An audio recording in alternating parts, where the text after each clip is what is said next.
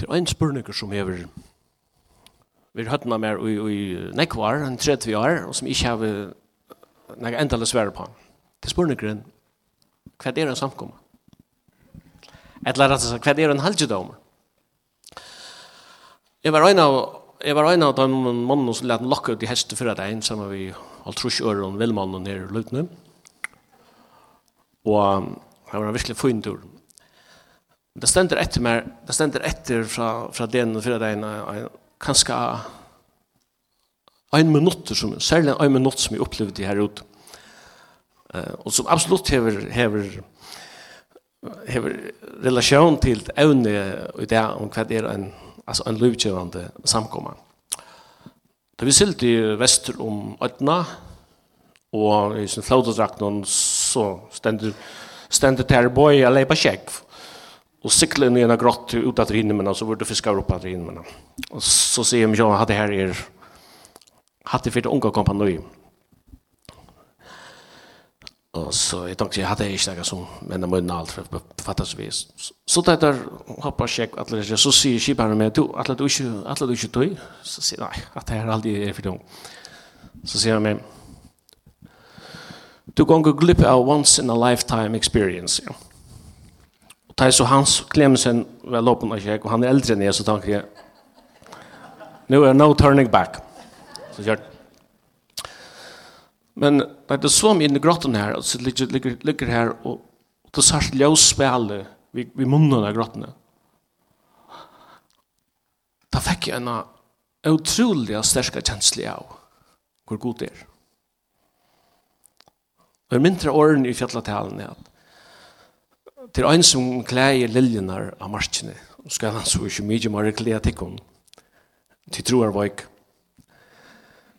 Og i, to, og i hans løtene, så kommer jeg å spekulere på, hva er det han halvdjødom for nek? Hvordan definerer du en halvdjødom? En sanger sier jo, Herre Jesus er til himmel er. Så fikk han en sterske kjensle av, av, god, av Guds nærverd. Kjalt om hans og alle henne øyne var det at vi til lyst og god var nær. Og jeg har vært i St. Paul, jeg har vært i Peterskirchen i Rom, og jeg har vært i, som er største kirken i verden, og jeg har vært i St. Paul's i London, som er den største kirken i verden. Akkurat i hans løtene, så følte det ut han i og som.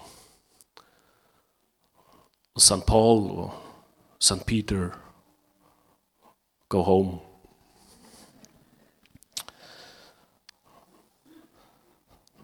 Men så tossar jeg Guds ord om en annan halgedam. En halgedam som bestender av livande støyn.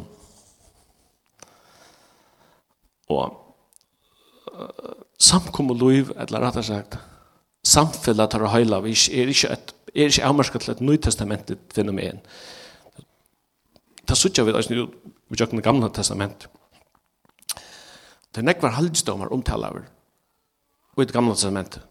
Vi sutja samkom ikke alltid og øyemørsene, tabernakle.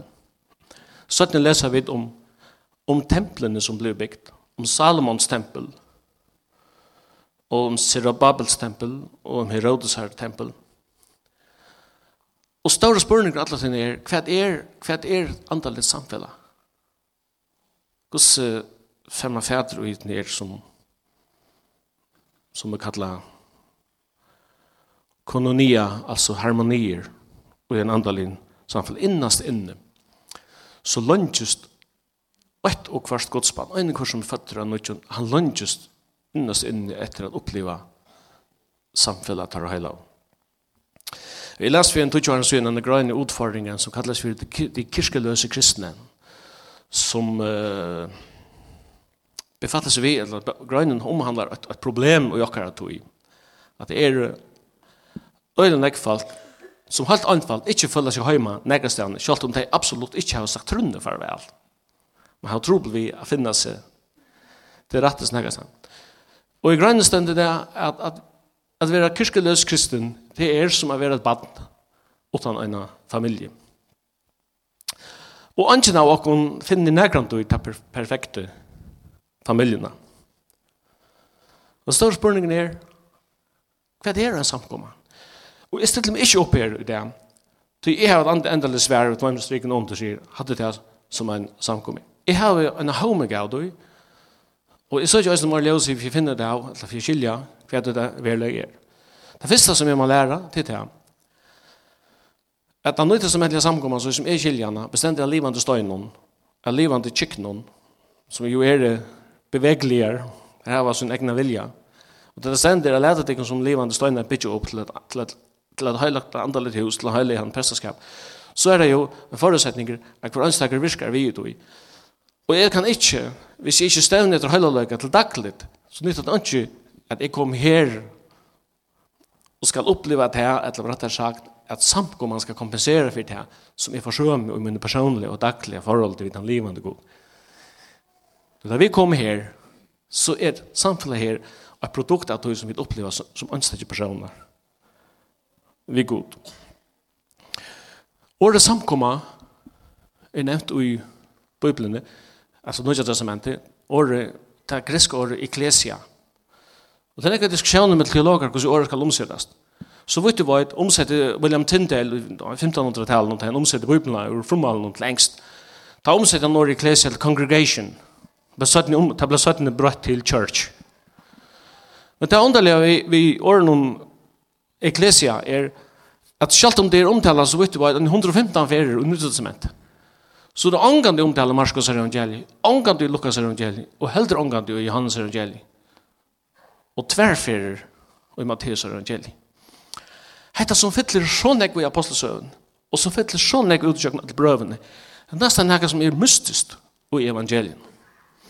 Og første fer at lese om at Jesus omtaler det, er i samband med, og det var en dag jeg satt og lese skriften, så tjekk det fullstendig at oppfyr meg, at første fer året i Klesia er nevnt, er det nevnt og i samband med Jotan. Altså et, et bekjennelse som vi giver. Han stadde vid Caesarea Filippi, og han sier vel læresvennerne, Jesus, hvem sier folk menneskesånden vera? Og så kom alle disse her oppskåtene, hva folk kalte, hvem folk sier menneskesånden vera. Og det er ikke noe under det er det samme det. Philip Janssen som skriver bøkene at Jesus I never knew, han sier i inngangen at det skriver om 20 000 bøker om, som evenska meninger om hvor hans øvelig Jesus var. Sånne ekva meninger er om hvor Jesus var. Og nesten alle disse her gjør krav på hava den ultimativa sannleggen om hvor Jesus vær. Så spørningen i Kassarea Filippi til lærersmann, hvem sier folk menneskesånden? Han er vel leo oppkjøkken aldunar og leo endan det og det. Og så sverar lærersmann, ja, men som sier at det var Elias og Jeremias eller annet profeten. Så sier Jesus, men tid, hva sier tid med vera? Peter sier han, du, du er Kristus, sånn minst livande gods. Altså, hva spyrst du om? Det er nesten, altså, Altså innløysant. Så sier Jesus vi han. Sæler er stiv Simon, son Jonas. Du holdt og blå, hever ikkje åpenbæra til rata, men fægir moin som er i himmel. Du sier det her. Du er Peter. Og hendan, og hendan klett skal jeg bytja moina eklesie. Du er Peter, og hendan klett skal jeg bytja moina eklesie. Jeg tror ikke at Eklesian er bygd av Peter som person. Men Jesus nevner Eklesian her for første fer, og sammen vi at Peter kommer vi en herre jottan at bekjenne seg av, to er Kristus. Og i samband vi jottan denne bekjennelse, kommer Eklesian inn i mynd. Det lærer meg så mye at det blir overhøver ikke til at hos om en samkomme, eller at en eklesie, eller en church, menighet, eller you name it, utan du hever at jottan er grundalega, at bekjennelses grundalega under troar loven. Det er fullkomlega avgjerant. Det er kristendommer utan positiva jottan om hvor Kristus er, vi er utan, utan løyv, utan kraft og utan hekka glei. Den svenske evangelisten Göran Skutti, han sier i bøtjen er i biografi alltså han säger att för att ta om 1930 det var en politisk rörsla och svörje som hade ändamals att som hej vill vill det utrota kristendomen och svörje man var det av kristna svörje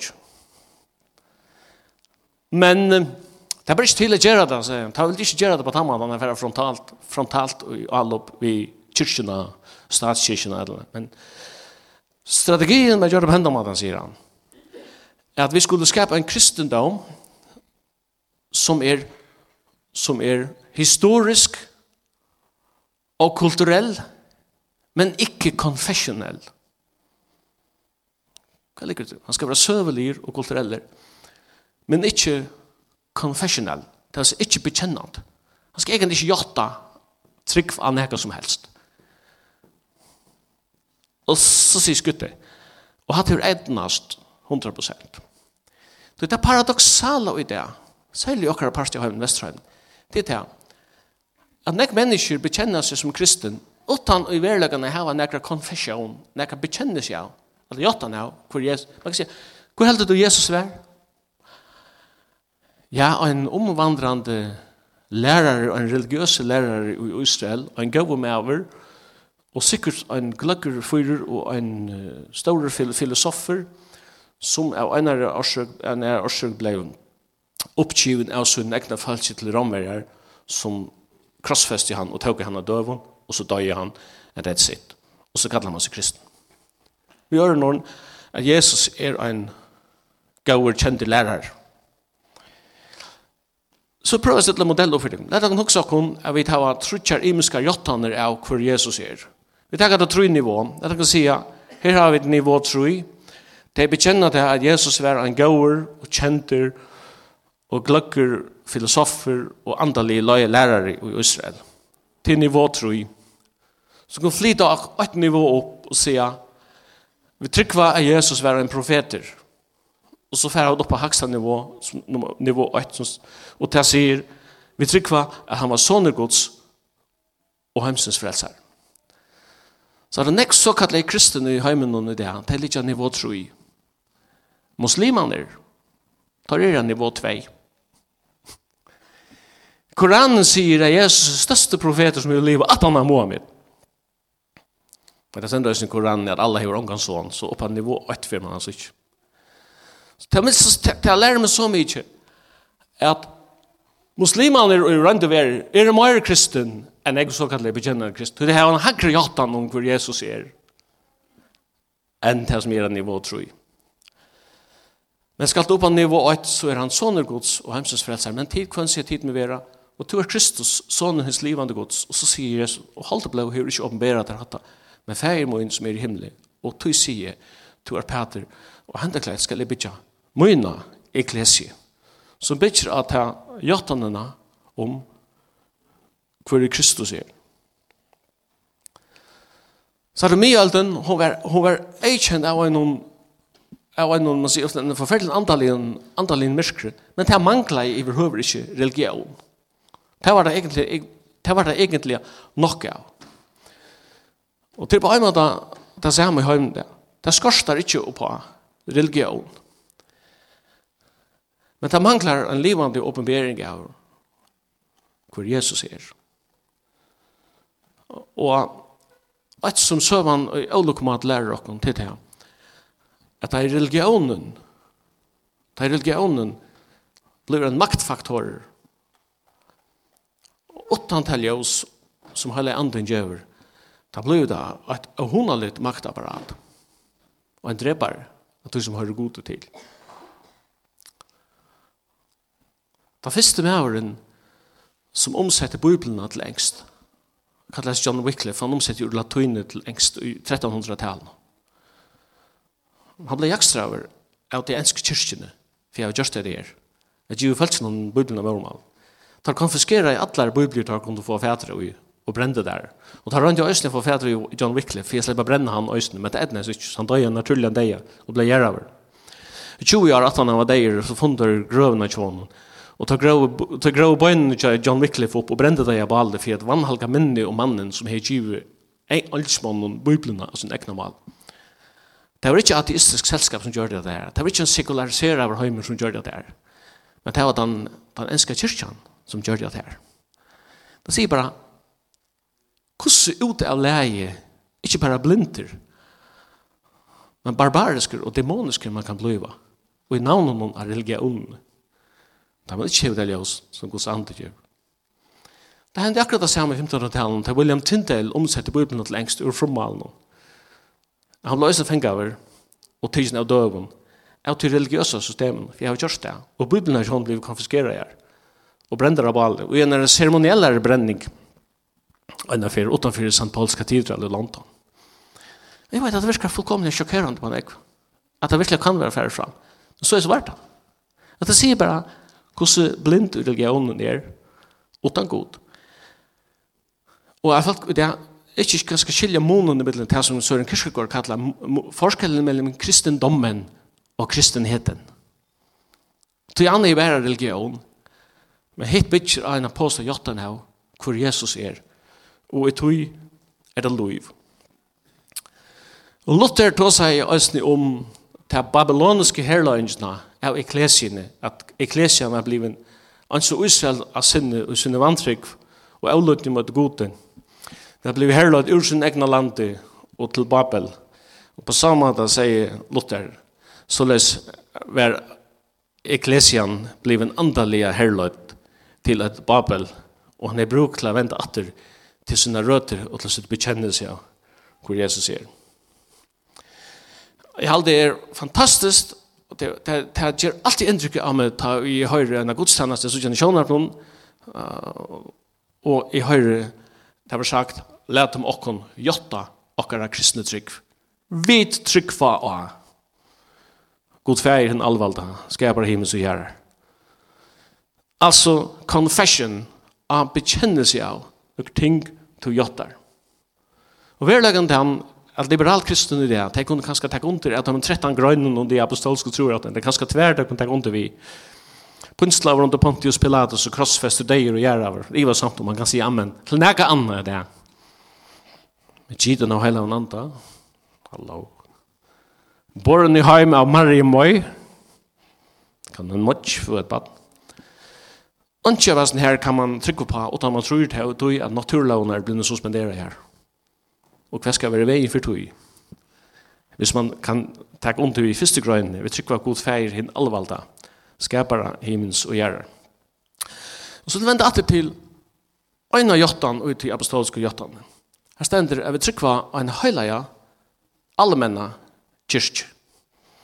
Det hadde vært sagt, så var det vel nok faktisk også Så kan man att allmänna tema där vi staten att göra och kyrkan till så statskyrka eller något liknande. Verlegend han har sig apostolska troar och den hela allmänna kyrkan är formulerad om år 120 eller 130 finner man det i sövnen. Och som man menar att det kan gå helt att till apostlarna. Så att han apostolska troar att han hon är en 1300 år äldre än Luther. Så att det är inte något som lutheraner har funnit på. Men det är något som apostlarna har funnit på. Og da han sødde en heilige allmenne kyrkje, så sødde vi trykva av en heilige globala eklesie. Som i verlegene merker at et hvert menneske som jattar Jesus som Kristus, kom han i holde, som herra og frelsherra, er pastor av en heilare, av en heilare, globalare eklesie, og samkom, som du er pastor. Og det er modeller som Nudja Testamentet sitter fram, og som Jesus øyne sier. Han sier, jeg er ditt nær. Han som fyrir inn i kjøkkenet med, han verer frelst, og skal genge inn og genge ut, og finna føy.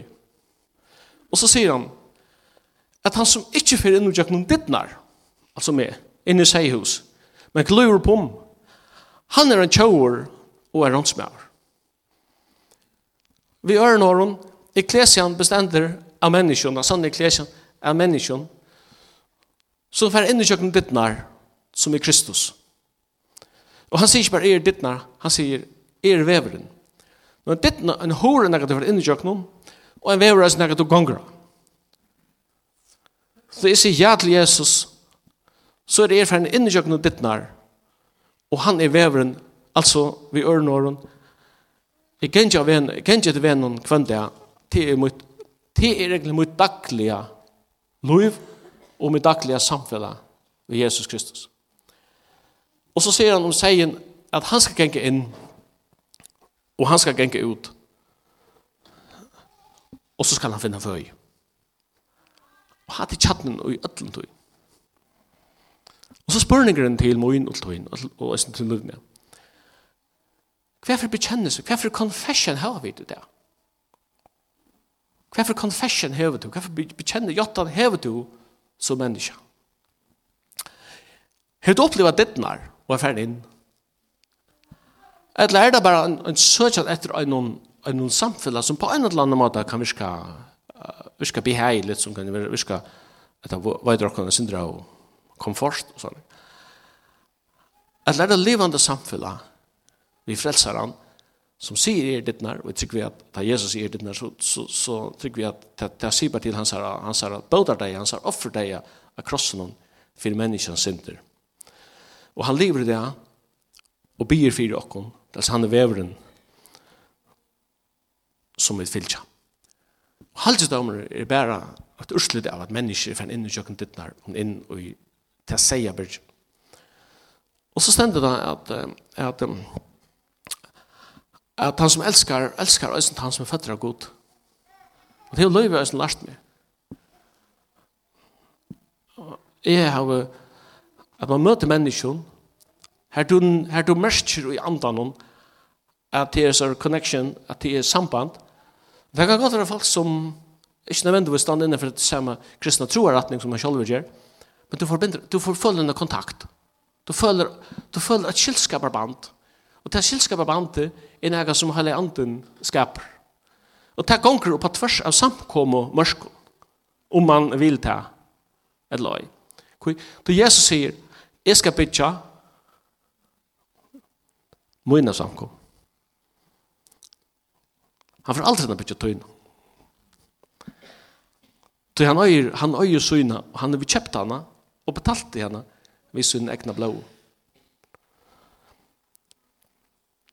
Og jeg minnes en affær, jeg hørte en, en tale av en amerikaner som fortalte henne om, om en vetjeng som er vært i USA, og en samkomme. Og innenfor ett eller två år var tale av folk som kom, som kom til godsene, det var tre eller fyra falta. Så det var altså falt ikke flokkast. Eldre enn jeg som fängar. Og så en dag inn at han har godstendelsene, så stod han der, da kom en kona, en eldre kona som jeg ikke har møtt her i 40 år eller hva det var. Og han sitter i en bestemt noen stål i ødeles i årene. Og knappt enda morgenen hun kom kommet noen stål var stålen opptidsen. Da han ikke visste til at hun var vunnet tid der. Og han ble så frustreret at hun kom til pastoren og sier vi han, You have ruined my church. Og han sier ikke hva han skulle si han. Han røpte, på en måte På en måte tok han øyla synd igjen. Han ikke kan skriva, og han følte så at Guds ande sier vi han, det passer som han sier. You have ruined her church, but you have not ruined my church. Den brennende spurningen er, whose church is it?